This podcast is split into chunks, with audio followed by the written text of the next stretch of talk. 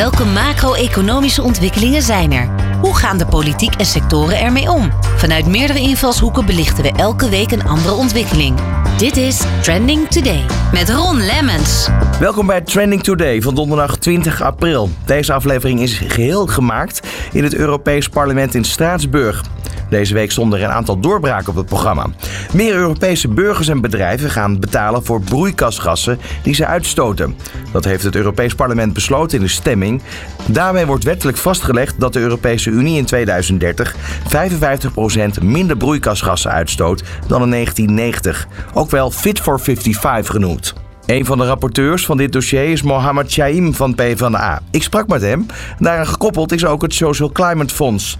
Medevormgever en rapporteur van dit fonds is Esther de Lange van het CDA. Het Europees Parlement heeft verder vandaag gestemd over de goedkeuring van de verordening voor de markten van de cryptoactiva ook wel de crypto-assets genoemd.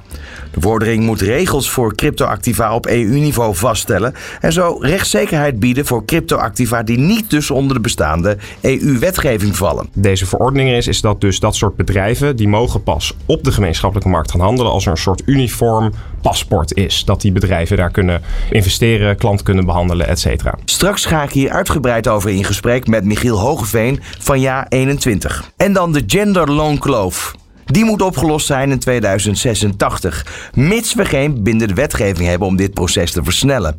Maar die wetgeving gaat er natuurlijk wel komen. En namens D66 is Samira Rafaela betrokken bij het dossier en gaat het in ieder geval een stuk sneller.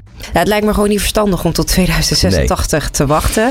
Op dit moment worden heel veel vrouwen geraakt in hun portemonnee, uh, omdat ze dus zoveel geld mislopen. Dus daar straks veel meer over. En tot slot staan we stil bij een ander belangrijk debat deze week.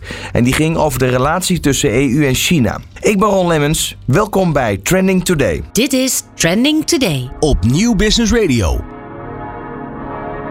Bij me hier in de studio zit uh, Simon Trommel. Ja, we hoorden de kerkklokken hè, van uh, Straatsburg. Uh, we hebben elkaar natuurlijk ook buitenom gesproken. Uh, want jij bent journalist. Je bent eigenlijk al jaren hier aanwezig. En je volgt het Europees Parlement echt al jaren. Ja, ik volg de Europese Unie al sinds 2014. En uh, sinds 2017, 18 ben ik hier vaste gast zeg maar, in Straatsburg ook en ook in Brussel.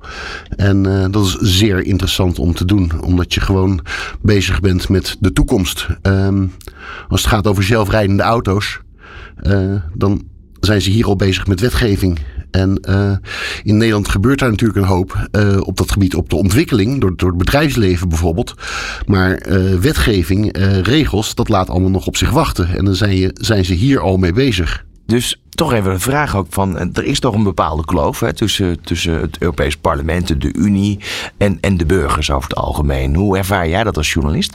Ja, die is er zeker wel, die kloof. Uh, omdat mensen niet weten wat er gebeurt hier in, uh, in uh, Brussel en in Straatsburg. Dat is het grote probleem, denk ik. Als je hier bent, dan ervaar je hoe hard mensen werken, hoeveel meetings ze hebben, hoeveel ontmoetingen ze hebben, hoeveel zaken er geregeld moeten worden en hoeveel visies er uitgewisseld moeten worden.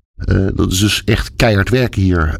Laatste vraag, want we gaan natuurlijk heel veel Europarlementariërs spreken in dit uur. Um, wat je vaak ook hoort is, ja, maar waarom reist men één keer per maand van Brussel naar Straatsburg met eigenlijk alles en iedereen? Omdat het in de verdragen staat. Uh, het is in het verdrag vastgelegd dat de hoofdstede van het Europees Parlement Straatsburg is. Dus ja, mensen zeggen wel van het is een uh, verhuiscircus. Ja, mensen moeten wel hierheen. Het is hier bovendien een historische plek. Is, is dat wellicht ook de reden waarom dit overeind gehouden wordt vanwege die historische plek? We zitten nu in een onrustige tijd, hè? Rusland, Oekraïne, eh, China, noem maar op. Is het niet belangrijker dan ooit om dat overeind te houden? Nou, degene die het het hardste overeind willen houden is natuurlijk eh, Frankrijk. En als je dit zou willen veranderen, dan moet dat unaniem gebeuren. En Frankrijk gaat dat niet doen. Want dit parlement levert voor de lokale bakker en de slager en de hotel, hotelhouder 1 miljard euro per jaar op. En ja, ik, ik denk ook van, ja, European Medical Agency, het EMA zit in Amsterdam. Die zijn er heel erg blij mee. Europol draagt bij aan de missie van, van Den Haag als stad van, van vrede en recht. Daar zijn mensen in Den Haag ook heel erg blij mee. Dus dan denk ik bij mezelf van ja, dit is nou eenmaal zo gegroeid. Het is politiek niet haalbaar om het te veranderen. En waarom zou je het ook veranderen? Juist vanwege die historische plek. Ja, dan heb je nog een aantal varianten. Althans, hè, zo zou je het wel op afstand kunnen zien. Je hebt de Europese Commissie, je hebt de Europese Raad en je hebt het Europese Parlement. Ehm, een korte notendop is eigenlijk de Europese Raad weer heel wat anders dan het parlement. Is het zo in jouw optiek als, als journalist dat er nog te veel onwetendheid zit over hoe Europa, het hele bestuursorgaan nu in elkaar zit? Ja, natuurlijk. Uh, we hebben hier twee wetgevers en niet eentje, zoals de Nederlandse Tweede Kamer. De Europese Unie is enerzijds supranationaal, anderzijds intergouvernementeel. Dat maakt ook weer eens lastiger. Plus, je hebt hier nog 27 lidstaten, dus 27 verschillende culturen die met elkaar moeten samenwerken. Dat is ook uh, niet altijd makkelijk. En dat draagt niet bij aan het begrip over de Europese Unie natuurlijk. Maar uh, ik zou zelf geen andere manier kunnen bedenken hoe je het dan anders of beter zou kunnen doen. Ja, in ieder geval, er zijn een aantal onderwerpen die we vandaag in deze uitzending behandelen. Die wel degelijk landen, want het, het gaat voor ons allemaal impact hebben. Onder andere klimaatverdragen. Daar laten we meer over. Voor nu, dankjewel. Dit is Nieuw Business Radio. Het Europees Parlement stemde dinsdag in over een belangrijk klimaatwetgevingspakket. Het gaat om wetten die onderdeel zijn van het grote klimaatpakket van de Nederlandse Eurocommissaris Frans Timmermans, die hij in 2021 presenteerde onder de noemer Green Deal. Het doel is dus om uiteindelijk alle emissies te stoppen. En uiteindelijk gaan dus ook burgers betalen voor CO2-uitstoot. Daarover later meer. Ik was aanwezig bij de persconferentie geleid door EU-parlementvoorzitter Roberto Metsola. We can say Europe leads the green revolution and we will be the world's first climate neutral continent. And the deals on the reform of the emissions trading system, the carbon border adjustment mechanism, and the social climate fund are all central and complementary in keeping the European Green Deal on track. Een van de rapporteurs van dit dossier is Mohammed Shahim van PvdA. Ik sprak met hem. Uh, Mohammed, als eerste gefeliciteerd. Uh, dubbel eigenlijk, want je bent ook jarig vandaag. Ja, dankjewel. Het was een hele goede uitslag en inderdaad bijzonder om op mijn verjaardag mee te mogen maken zo. Uh, dit loopt al een hele tijd, dus het heeft best wel een lange tijd geduurd voordat uiteindelijk er een uh, akkoord bereikt is. De stemming was uh, op zich ook wel heel positief, dat opzicht. meer dan 400 stemmen voor. Ja, het ging niet makkelijk. Hè? We, hebben hier, we zijn hier bijna twee jaar mee bezig. eerder is er een stemming geweest waar we ja, het niet echt met elkaar eens waren, maar we hebben heel veel van de zorgen, terechte zorgen in het bedrijfsleven, bij mensen bij vakbonden, bij verschillende politieke groepen, hebben we gewoon echt proberen ja, uh, ja, mee te nemen in het proces. En ik denk dat het compromis, het, het, voorstel wat nu voor ligt, ja, dat, dat neemt die zorgen mee. En het is een gebalanceerd voorstel waar gewoon heel veel positieve berichten op zijn gekomen. Zowel het bedrijfsleven, van de vakbonden, maar bijvoorbeeld ook van de milieubeweging en, en andere uh, ja, NGO's. Ja, uiteindelijk gaat het om, om het verhandelen van die emissierechten.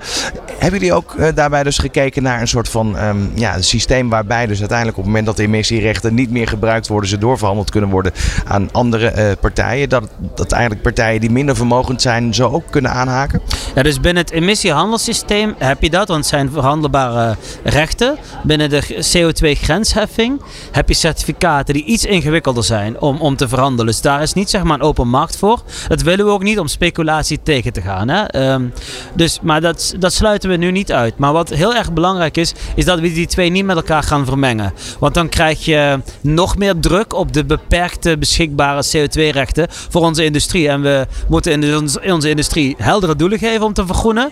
Maar we moeten het ook niet onmogelijk maken. Nee, want die, die oneerlijke concurrentie, daar is men vooral bang voor. Wat nu als bijvoorbeeld eh, landen als China zeggen van nou, we gaan hier totaal niet in mee en uh, we gaan dat niet meer leveren aan Europa. Ja, dat gaat echt niet gebeuren. De Europese markt is te groot. Dat is ook onze kracht. We zijn op één na grootste consumentenmarkt in de wereld. Je wil je producten gewoon hier verkopen. Nou, op het moment dat we daar veel meer bewust mee bezig zijn, hè, eh, van dit is onze kracht. Als jij jouw product hier wil verkopen, ja, dan moet dat voldoen aan mensenrechten. Je mag er geen kinderen voor gebruiken of slaven. Maar tegenwoordig ook, dan moet het gewoon zo schoon mogelijk worden geproduceerd. En als dat niet het geval is, ja, dan reken je af aan de grens. Want dat doen onze ondernemers nu ook al 15 jaar. Ja, en uiteindelijk het doel is om om 2040 helemaal terug te brengen naar nul. Uh, wanneer gaat het nu uh, van start? Iets eerder, hè? Dus, uh, Jazeker, dat is, dat is de stip op de horizon. We beginnen in 2026 en voor de CBAM-sectoren hebben we dus geen CO2-vrije rechten meer in, in, in, 34, in, in 2034. dus dan, moet je, dan is de CBAM volledig operationeel. Dus dan moet je volledig betalen over elke CO2-gram die, uh, die je uitstoot. En dat is ook goed, want dat is de enige manier om bedrijven eigenlijk te onderscheiden. Zij die enorm schoon uh, produceren en heel veel investeren in verduurzaming, de technologieën van morgen uh, daarin investeren, ja, die moeten we, dat moet ook ergens renderen. En op het moment dat je ja, dat stimuleert, maar tegelijkertijd ook vuile productie toestaat zonder te belasten, ja, dan komen we nooit uh, richting de Parijsdoelen, richting klimaatneutraliteit. En dit instrument, ETS in combinatie met CBAM, dat zijn machtinstrumenten. Vraag en aanbod bepalen uiteindelijk de prijs en bepalen ook gezamenlijk hoe snel we uiteindelijk die doelen gaan halen. En daar ben ik gewoon heel blij mee. Ja, ik kan me goed voorstellen. Tot slot nog even de vraag over ETS 2, want die hebben jullie ook aangekondigd. Dat gaat wel iets meer de consument treffen. Ja, dat is enorm gevoelig. Ik heb ook echt alles gedaan om, ja, in eerste instantie om, om te zeggen, joh, dat moeten we eigenlijk niet willen. Of alleen maar op commerciële gebouwen en bijvoorbeeld leaseauto's. Want die kunnen natuurlijk belastingtechnisch kunnen ze daar iets mee en gewone consumenten niet. Zeker niet met de energiecrisis waar we nu mee te maken hebben gehad. We hebben wel gezegd, oké, als we dit dan doen, hebben we wel een aantal voorwaarden. Eén, uh, het mag pas worden geïmplementeerd als de prijs eigenlijk terug is op het niveau van voor de oorlog. Dat is echt belangrijk. Twee, het mag niet de CO2-prijs zijn die het bedrijfsleven nu betaalt. Het moet echt lager zijn dan dat. En, en, en, ja, en, en aan die voorwaarden wordt nu voldaan. En we gaan om de paar jaar evalueren van oké, okay, uh, helpt het ons doel bereiken, te bereiken?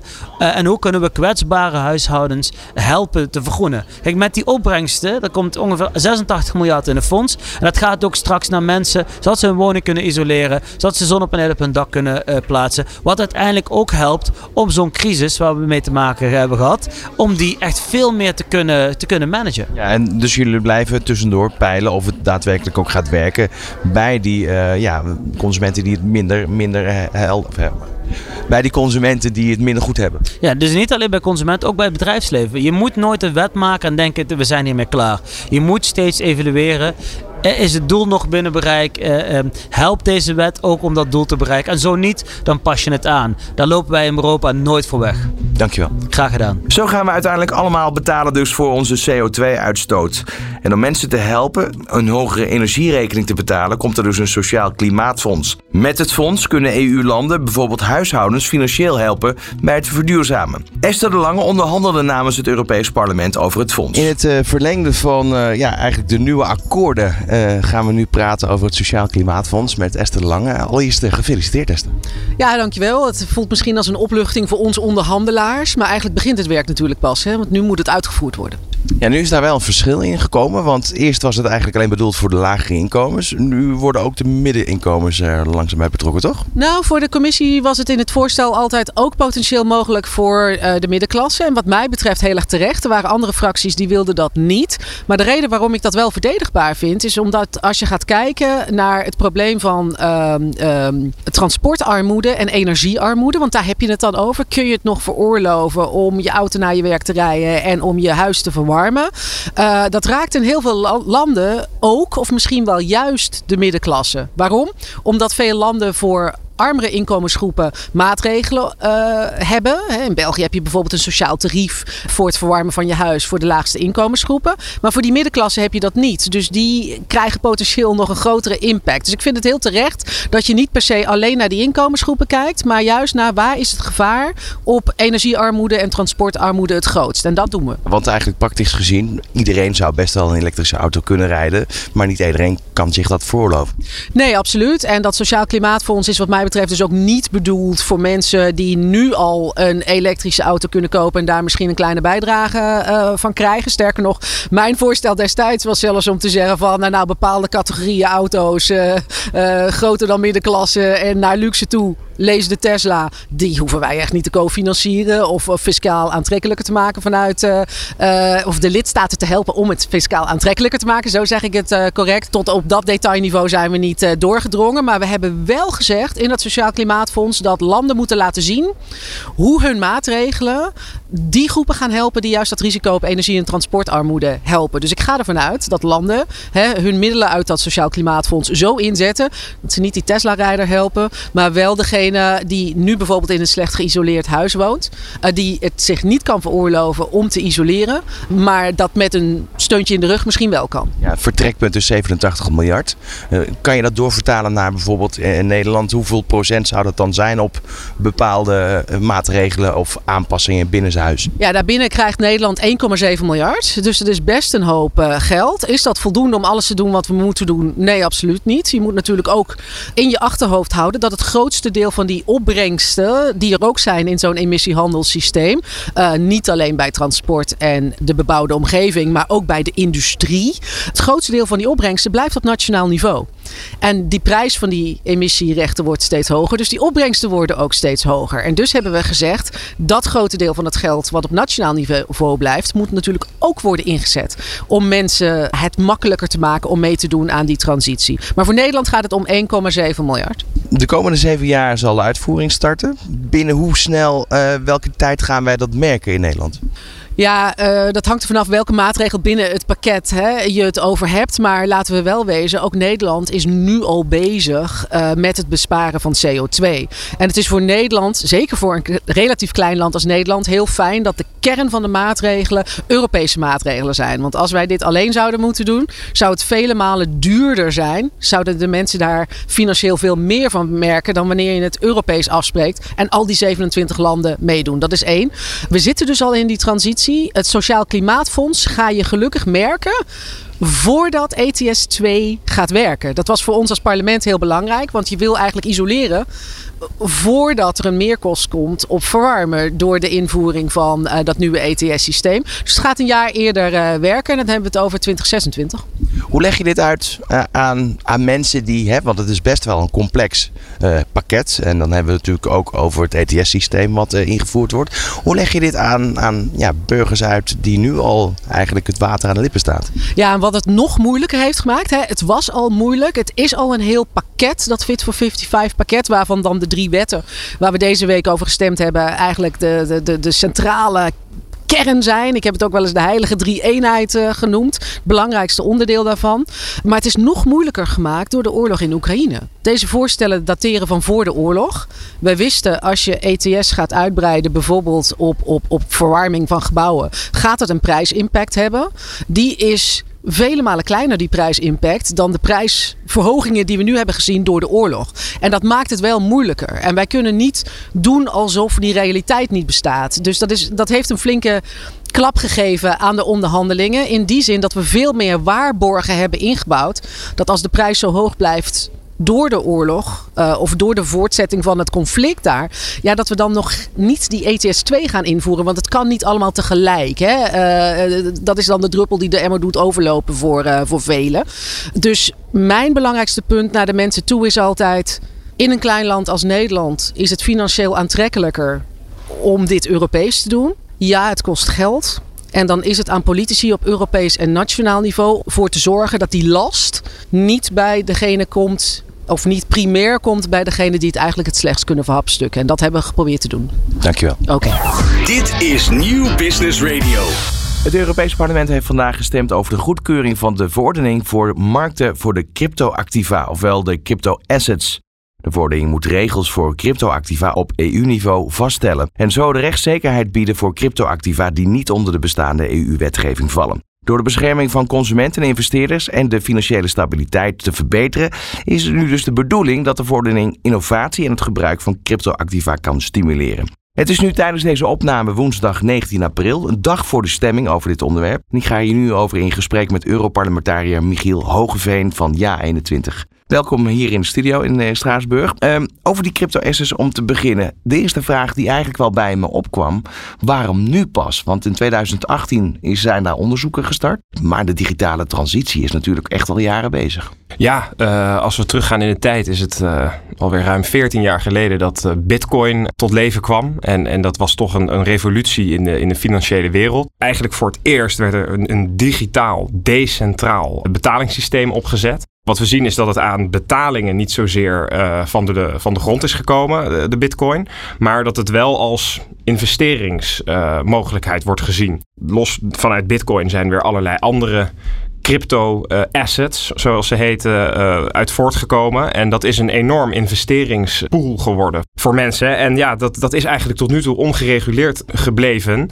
En we, ja, eens in de zoveel tijd zien we ook weer in het nieuws dat er weer een, een, een, een, een ja, dat heet dan een exchange, waar die crypto's op worden verhandeld, failliet is gegaan. Of dat er een bedrijf is waar mensen hun zuurverdiende geld in hebben geïnvesteerd, weer op de fles is gegaan. Dus uiteindelijk is het heel erg belangrijk dat de industrie, en om antwoord te geven op je vraag, waarom nu pas? Ja, het duurt vaak voordat zo'n nieuwe technologie, zo'n disruptieve technologie op de markt komt, voordat dat op het gebied van investeringen ook volwassen wordt. En dat gebeurt met, uh, met, met deze verordening wel. Ja, wat je zegt, het is inderdaad het is een disruptieve uh, technologie. Maar goed, uh, het is ook een gesloten circuit. Dus hoe kan je dit reguleren en hoe kan je dat vasthouden?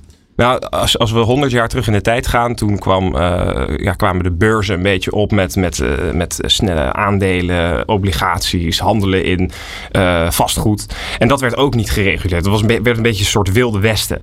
En dat hebben we de afgelopen jaren in, in crypto eigenlijk ook gezien. Dat er bedrijfjes, zoals bijvoorbeeld uit Amerika was het bedrijf FTX. Dat werd totaal, dat was totale mismanagement. Dat is dus ook uiteindelijk failliet gegaan. Veel mensen hun geld verloren. Ja, die dus ook op de Europese gemeenschappelijke markt. Nou, waarom het nu belangrijk is dat, dat deze verordening er is, is dat dus dat soort bedrijven, die mogen pas op de gemeenschappelijke markt gaan handelen als er een soort uniform paspoort is. Dat die bedrijven daar kunnen investeren, klant kunnen behandelen, et cetera. Is daar gekeken naar bepaald uh, ja, hoogte van vanaf wanneer dat gaat gelden? Nou ja, goed, uiteindelijk is het voor ieder bedrijf is het van belang dat zij voldoen aan een set wet en regelgeving. Dus op het gebied van uh, anti-witwassen, op het gebied van uh, goed degelijk management, op het gebied van investeringsbeschermingen. En in het verleden was dat ieder lidstaat had zo een beetje ad hoc zijn eigen wet en regelgeving voor crypto bedrijven bij elkaar geharkt. Of helemaal niet. En nu is dat dus uniform geworden uh, op de Europese gemeenschappelijke markt. En uh, wat daarnaast ook nog wordt besproken is dus, uh, maar dat is een wat technischer verhaal, is dus dat er op transacties ook wordt gekeken naar of dat ook ehm, transparanter moet worden. Het, het, grote voordeel en tegelijkertijd het grote nadeel van Bitcoin is dat er transacties kunnen worden gedaan die anoniem zijn. Precies. Waardoor het regelmatig ook gebeurt dat daar criminaliteit aan ten grondslag ligt. Terrorisme? Ja, dus waar ze nu naar aan het kijken zijn. Uh, ik ben zelf ook uh, gespecialiseerd in Noord-Korea. En ik weet wel dat Noord-Korea flink wat geld heeft verdiend aan, aan de cryptomarkt. Dus waar ze nu ook naar aan het kijken zijn, is hoe ze dat uh, beter kunnen gaan monitoren. En dus als er een transactie wordt gedaan, dat er ook een bepaalde bevestiging moet komen van identiteit. Uh, ja, daar, daar kijken ze ook naar. Maar goed, dan heb je het over transacties binnen Europa. Ja. In hoeverre zijn hier gesprekken over met andere economieën, zoals bijvoorbeeld uh, de Verenigde Staten? Ja, nou dat is wat, uh, wat deze verordening zo mooi maakt, is dat de Europese Unie of de gemeenschappelijke markt in die zin een voorbeeld kan stellen voor de rest van de wereld om een soort globale standaard te creëren. Uh, en daar, van daaruit ook gesprekken kunnen worden gevoerd. Dus Amerika werkt nu ook wat meer toe naar gereguleerde markten. Daar vraagt, daar vraagt de markt ook zelf om, de, de cryptomarkt. Azië is daar, werkt er ook meer naartoe. En ja, wij hebben in Europa nu een, een best wel een ambitieuze wet en regelgeving neergezet. Uh, waarmee wij dus eigenlijk uh, de, de, de, voorop, de voorloper zijn. Ja, dus waar je van hoopt dat eigenlijk dit een standaard zou kunnen zijn wereldwijd. Ja, en dan, dan krijg je dus echt een volwassen markt voor investeringen. Waar mensen uh, wel met enige risico, want crypto's zijn volatiel. Het is toch wel een van de meest volatiele, risicovolle beleggingsproducten. Maar dat mensen wel in ieder geval ervan op aan kunnen dat als jij investeert, dat als jij je geld, je investeringen bij een bepaald bedrijf hebt, dat dat veilig is uh, en dat daar niet vreemde dingen mee worden gedaan. En dat is waar Europa nu koploper in is en waar we dus een standaard kunnen zetten voor de rest van de wereld. Ja, daarbij zeg je dus eigenlijk uh, innovatievriendelijk, maar uh, jullie hebben het ook een aantal jaren aangekeken hoe het zich heeft ontwikkeld voordat je pas echt daar regulatie in kan toepassen. Ja, dat, duurt, dat, dat kost tijd en, en de Europese besluitvorming gaat niet zo snel als men vaak hoopt of denkt. Je hebt hier te maken met ook verschillende instituties. Uh, de lidstaten moeten bepaalde uh, hebben ja, eisen. Uh, het parlement, het Europese parlement waar we nu zijn, heeft bepaalde eisen. De Europese Commissie komt met voorstellen. Dus dat is vaak een, daar gaat vaak wel wat tijd overheen. Maar nogmaals, ik denk dat we nu een voorstel hebben wat, wat innovatie en, en volwassenheid van de cryptomarkt in de hand kan werken. Ja, dan heb je ook nog zogenaamde stablecoins. Hoe zit dat precies? Ja, dat zijn dan munten die gekoppeld zijn aan eigenlijk de, de vaste, uh, of eigenlijk de, de, de, oorspronkelijke valuta. Ja, die zijn daar ook in, in verwerkt. Uh, maar uiteindelijk denk ik dat, dat het vooral gericht is, deze wet en regelgeving is eigenlijk vooral gericht niet zozeer op, op, op stablecoins of op, uh, op, op wat voor soort crypto je kijkt. Het is echt puur gefocust op, ja, dat heet het zo, zogeheten passporting. Dat bedrijven die investeren, dat die dus gelijk speelveld hebben. Michiel, jij hebt van, vandaag dit uh, debat. Um, wat staat er voor jou nog meer op het programma vandaag? Nou, we hebben na dit debat hebben we uh, direct een debat over de digitale euro. Dus dat is ook gelieerd aan uh, ja, eigenlijk de, de, onderliggende technologie van cryptovaluta. Alleen dit is dus in tegenstelling tot Bitcoin, wat decentraal is. Wat dus ervoor zorgt dat mensen, zoals jij en ik, geld naar elkaar kunnen overmaken zonder tussenkomst van een bank, centrale bank. Uh, hebben we het over de digitale euro. Dat is eigenlijk de onderliggende technologie van Bitcoin, wat wordt gebruikt door de Europese Centrale Bank om eigenlijk een, een eigen gesloten cryptovaluta uit te geven. Is dat eigenlijk ook om de verdere disruptie te voorkomen? Het is uit angst uh, voortgekomen. Ik heb veel debatten gevoerd met de Europese Centrale Bank, met de Europese Commissie, waarom die digitale euro er nog moet komen. Want we kunnen gewoon geld naar elkaar overmaken. We hebben al, we ik ben zelf in het parlement rapporteur op, op iets dat heet instant payments. Dus dat we over de hele gemeenschappelijke markt gewoon direct geld naar elkaar kunnen overmaken in plaats van dat twee, drie werkdagen duurt. Dus ik heb gevraagd naar de noodzaak van die digitale euro. En dan komen ze iedere keer terug op ja, Facebook is op een gegeven moment met het idee gekomen om met een digitale munt te komen. Uh, we hebben natuurlijk het gevaar van Bitcoin gezien, waarbij dat buiten de controle van de, van de overheid ging. En uh, ze zeggen ook van ja, in China zijn ze ook bezig met zo'n digitale munt. Dus wij moeten daaraan meedoen. Dus wordt vervolgd, want dat debat start nu. Ja. Is daar verder iets over bekend hoe dat dan uh, verder gaat? Uh, het ligt nu uh, bij de Europese Centrale Bank. Dus degene die al over ons geld gaan, uh, die zijn ermee aan het experimenteren. Dan komt er een voorstel bij de Europese Commissie hoe dit moet worden ingericht. En dan komt het naar het parlement. Het debat wat wij vanmiddag hebben over de digitale euro is eigenlijk om als parlementariërs ook aan te geven wat vinden wij ervan, hoe het er nu voor staat. En mijn partij, wij van Ja21, zijn toch wel redelijk sceptisch. We gaan het allemaal zien. Dankjewel voor nu en succes vanmiddag. Dankjewel. Van hippe start-up tot ijzersterke multinational. Iedereen praat mee. Dit is New Business Radio. Hier in de studio in uh, Straatsburg uh, zit bij mij uh, Samira Rafaela van D66. je komt net uit de stemmingsronde, want dat gebeurt eigenlijk iedere dag op woensdag vandaag. er zijn een aantal belangrijke wetten weer doorgekomen. Ja, klopt. Nou, we hebben natuurlijk elke dag stemming als we in Straatsburg zijn, soms ook in Brussel. Maar ja, hier in Straatsburg moet het toch vaak allemaal gebeuren. We hebben belangrijke stemmingen gehad, bijvoorbeeld over uh, de anti-discriminatiewetgeving, uh, maar ook over het budget voor 2024. Dus uh, ja, dat zijn belangrijke onderwerpen waar we ja. over stemmen. De reden dat je hier in de studio zit is eigenlijk een onderwerp wat twee weken geleden in Brussel aan bod gekomen ja. is. Het gaat over de, de, de genderkloof. Als we zo doorgaan, is die opgelost in 2086. Dat is nog ja. heel ver weg. Dus um, nou, iedereen kan wel aanvoelen, dit moet versneld gaan worden. Klopt. Wat gaat er gebeuren? Hoe ga je versnellen? Ja, nou, het lijkt me gewoon niet verstandig om tot 2086 nee. te wachten. Op dit moment worden heel veel vrouwen geraakt in hun portemonnee.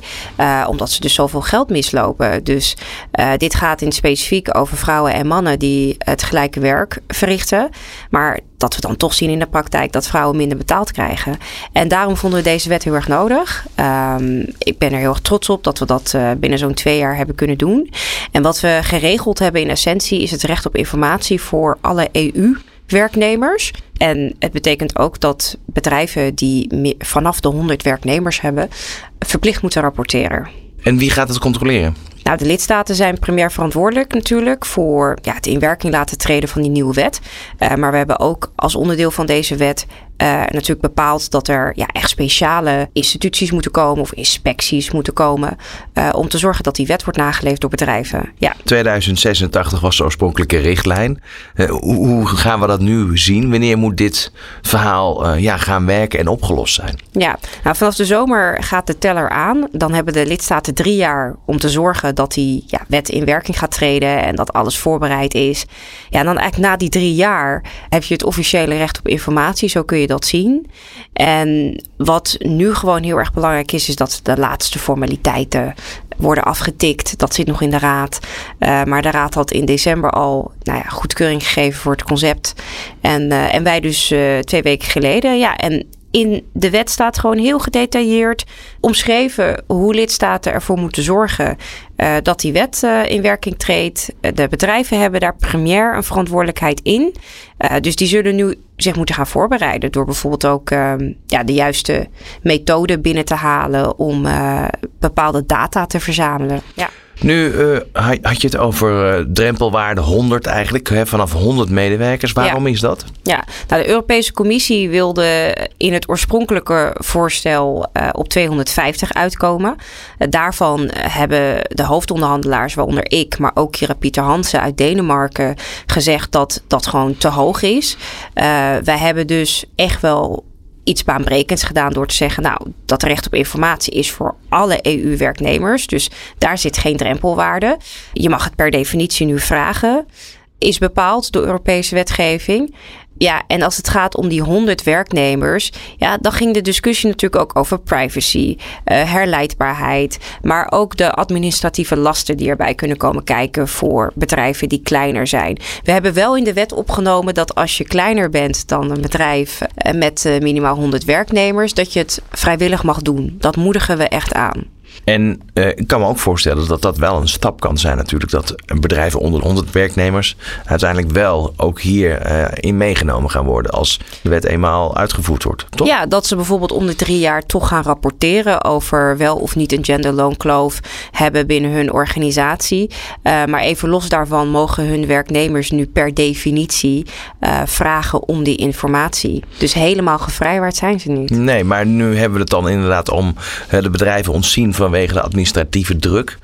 Is daar geen mechanisme voor te bedenken zodat dat makkelijker uiteindelijk kan? Ja. Zodat iedereen dat aan kan? Ja, nou vind ik wel. En dat is altijd mijn standpunt geweest. Ik bedoel, bedrijven die slagen er elke dag in om uh, nieuwe innovatieve technologieën te ontdekken of te subsidiëren. Dus als ze willen, kunnen ze dat echt wel. En er bestaan hele goede ja, programma's. Er bestaat goede software in Europa waarmee je dit soort data makkelijk kunt genereren en ook kunt laten analyseren als het gaat om die uh, genderloonkloof in een bedrijf.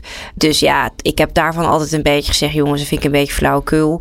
Uh, die administratieve lasten vallen echt wel mee wat dat betreft. Maar ja, goed, dit is, dit is nu eenmaal de uitkomst van stevige onderhandelingen. We zitten daar niet alleen in. We zitten ook met de Europese Commissie en de Raad namens al die 27 lidstaten. Ja, en dit is het compromis. En we zijn er blij mee dat we in ieder geval nog van 250 naar 100 uh, eh, hebben kunnen gaan. Omdat we daar echt veel meer werknemers en in specifiek veel meer vrouwen in Europa mee bereiken. Ja, wat, wat zijn nog meer uh, eigenlijk in het verlengde van issues die nu wellicht binnenkort op tafel gaan komen? Ja, ik denk dat dit onderdeel is van een grotere puzzel hè, om genderongelijkheid op te lossen in Europa. Uh, dus kijk, we moeten alles bij elkaar gooien om uiteindelijk uh, een oplossing te bieden voor de ongelijke behandeling van vrouwen. Um, kan je nog voorbeelden noemen? Ja, dat betekent gratis kinderopvang bijvoorbeeld, waar we in Nederland nu heel erg hard aan trekken, wat hopelijk gaat lukken. Maar het betekent dus ook inderdaad, ga aan de slag om vrouwen gelijk te betalen. Uh, ga aan de slag om vrouwen aan te moedigen om ook fulltime te werken bijvoorbeeld. Maar ga ook aan de slag om te zorgen dat zwangerschapsverlof goed geregeld is. Dat vaders ook gewoon lang verlof krijgen. Als dat gebeurt in Scandinavische landen, is, gebeurt dat al. Ja, en we zien positieve gevolgen daarvan wat ik, wat ik zeg is, ja, het is een, een grotere puzzel. We hebben onlangs ook het Europese vrouwenquotum er doorheen gekregen. Uh, daarmee moet dus, uh, moeten we dus meer vrouwen in raden van besturen gaan zien in Europa. Van de grote, uh, machtige bedrijven, beursgenoteerd. Dat gaat ook hopelijk helpen om dit vraagstuk op te lossen. En dan met name, dat begint vaak in een carrière met kinderopvang. Uh, om te zorgen dat vrouwen ook daadwerkelijk dezelfde carrière kunnen maken. Maar willen vrouwen dat ook? Ja, natuurlijk willen vrouwen dat. Ik bedoel, Allemaal? Ja, ik bedoel, dat zal heus wel anders zijn per vrouw. Net zoals dat niet alle mannen uh, even ambitieus zijn en niet alle mannen er zin in hebben om hun ambities waar te maken. Ja, ik bedoel, dan gaan we een beetje de verantwoordelijkheid en, uh, en zelfs ook een beetje de schuld uh, bij de vrouw neerleggen. Kijk, uiteindelijk is een vrouw, net als een man, gerechtigd om te doen wat ze wil. En, en ja, hoe ambitieus je wil zijn, dat is aan jou. maar de mogelijkheid moet wel geboden worden. Er moet wel een omgeving zijn. Het klimaat moet gecreëerd worden zodat ja, het kan. Ja. En dat vrouwen zich ook geïnspireerd voelen om die keuze te maken. In het algemeen zie ik heel veel uh, ambitieuze vrouwen. Uh, die ook heel graag aan de top van organisaties willen komen. Die ook premier willen worden. Die ook een groot bedrijf willen aansturen. Of gewoon hun eigen zaak willen hebben. Of dat nu uh, in de kleding is of een eigen techbedrijf uh, willen oprichten. Het gaat erom dat vrouwen de kansen krijgen, de eerlijke kansen. En dan mogen ze daarna gewoon zelf kiezen of en hoe ze dat willen doen. Ja, dat begint onder andere bij kinderopvang. Dat niet de discussie meer thuis gevoerd moet worden. Wie gaat er minder werken? Ja, dat is waar je op doet. Precies. En dan zie je gewoon vaak in de praktijk dat de vrouw daar toch het slachtoffer van is. Ja, dan blijft zij maar thuis. En daarnaast worden er ook nog een heleboel informele taken vaak verricht door vrouwen. Uh, denk ook aan de mantelzorg, maar denk ook aan gewoon het huishouden. Um, en voor die taken krijgen vrouwen vaak helemaal niet betaald. Nou, dat bovenop die ongelijke betaling, maar ook bovenop de roze belasting. Dat is ook zo'n fenomeen. Uh, dat vrouwen. Roze belasting, misschien toch eventjes uitleggen. Ja, dat was ik ja. dus nu aan het doen. Maar uh, de roze belasting is dus het, het, het hele verkeerde fenomeen dat vrouwen uh, meer betalen voor producten die ook uh, precies hetzelfde zijn voor mannen. Neem bijvoorbeeld scheermesjes of neem douchegel. Maar het begint zelfs ook al bij de babykleding voor meisjes. Nou, die producten zijn duurder. Terwijl, hè, ik bedoel, uh, u en ik uh, gebruiken alle, allebei douchegel. Waarom moet die van mij nou duurder zijn dan die van u? Omdat die van mij een roze of paars kleurtje heeft. Nou, daar gaat het over. Op jaarbasis kunnen vrouwen dus zo'n 1200 euro meer betalen ja, dat is echt absurd. En dat is ook weer een voorbeeld van hoe vrouwen financieel en economisch achtergesteld raken. Is dat ook nog als je zou kijken naar de, de verschillende landen binnen Europa, ja. Uh, hoe, hoe doen wij het in Nederland dan? Eigenlijk op dit moment vergeleken met, met bijvoorbeeld de Zuid-Europese landen. Ja, nou kijk, als je het specifiek met de Zuid-Europese landen vergelijkt, dan, dan staan we zeker niet onderaan. Maar we staan ook helemaal niet bovenaan. En overigens, als je bijvoorbeeld een land als Spanje neemt. Een land als Spanje heeft onlangs het menstruatieverlof bijvoorbeeld ingevoerd. Nou, een ontzettend progressief, ontzettend modern. Dat is maar om aan te geven. Hier loopt die discussie nog in Nederland. Ja, ik wil niet zeggen dat Nederland helemaal onderaan het lijstje bungelt. Maar het is ook niet per se een plek waarvan we zeggen... nou, die gaan we lekker groot promoten in de ja, wereld. Nee. Ja. Sowieso een gevoelig onderwerp nog steeds. Maar vandaar dus de taak om dat uh, te gaan beslechten en op te lossen. Ja, zeker. Bedankt. Dankjewel. Dit is New Business Radio. Dan het laatste onderwerp in deze speciale uitzending van Trending Today vanuit Straatsburg. Het Europarlement wil duidelijkheid en eensgezindheid richting China. De Europese Unie moet zoveel mogelijk met één mond spreken tegen China en moet haar waarden tegenover Peking gaan verdedigen. Dat is een van de uitkomsten van een debat in het Europarlement over de relatie met China afgelopen dinsdag. We moeten met de Chinezen blijven praten, zo werd geconcludeerd. En ontkoppeling van China is volgens Europese Commissievoorzitter van der Leyen geen optie. Wel is duidelijkheid noodzakelijk. Von der Leyen en buitenlandcoördinator Borrell riepen hier in Straatsburg op tot een effectieve, duurzame en eenduidige strategie tegenover China. Naast de economische betrekkingen werden ook de kwesties rondom Taiwan en Rusland besproken. Europarlementariër Bertjan Ruijsen van SGP sprak tijdens dit debat. Dat China een dictatuur is waar mensenrechten massaal worden geschonden, is natuurlijk al langer bekend. Ondertussen wordt de situatie in China er bepaald niet beter op. En we merken dat ook in Europa. China intimideert en bedreigt journalisten, gaat zich te buiten aan grootschalige spionageactiviteiten en wat te denken van de agressieve houding van China ten opzichte van Taiwan. Het domste wat we nu kunnen doen is onszelf als westerse wereld tegen elkaar laten uitspelen. Helaas stapte president Macron wel in deze valkuil door afstand te nemen van de VS in zaken Taiwan. Heel onverstandig. Transatlantische samenwerking is juist broodnodig. Maar ook investeringen om onze afhankelijkheid van China te verminderen. Evenals heldere afspraken over bescherming van onze vitale infrastructuur. Tot besluit een concrete vraag aan de commissaris. Wanneer reist de nieuwe EU-gezant voor de godsdienstvrijheid af naar Peking? Hij zal daar voldoende te bespreken hebben. Dank u wel. Ook Europarlementariër Peter van Dalen van de ChristenUnie wil een hardere aanpak tegenover Peking. Voorzitter, in China worden talloze christenen en andere gelovigen vervolgd. Oeigoeren verdwijnen in kampen. Illegale orgaanroof vindt nog steeds plaats. China haalt in de hele wereld grondstoffen weg waar het maar kan. En China importeert en masse olie uit Rusland. Genoeg redenen dus voor een Europese boycott tegen China. Helaas is dat niet haalbaar, want ook in dit huis zijn er meer volgelingen van de koopman dan van de dominee. De handel met China is nog steeds een heilig huisje voor velen. Daarom moeten we het op een andere manier aanvliegen. Onder het motto: versterk elkaar, koopt Europese waar. De consument moet worden bewust gemaakt geen producten meer te kopen uit China. Als u in het schap iets ziet wat gemaakt is in China, laten liggen, niet kopen. Op die manier bevorderen we de Europese autonomie, maken we ons minder afhankelijk van China en helpen we onze eigen producenten. Dus versterk elkaar, koopt Europese waar. Al dus Peter van Dalen van de ChristenUnie. Ja, en uiteraard zal dit uh, hele verhaal rondom China vervolgd worden. En blijven dat nou lettend volgen in Trending Today.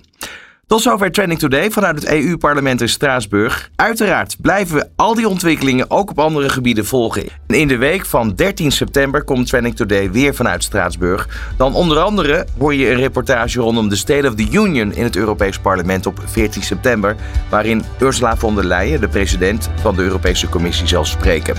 Bedankt voor het luisteren. Alle fragmenten zijn ook terug te luisteren als podcast via newbusinessradio.nl. Van hippe start-up tot ijzersterke multinational. Iedereen praat mee. Dit is New Business Radio.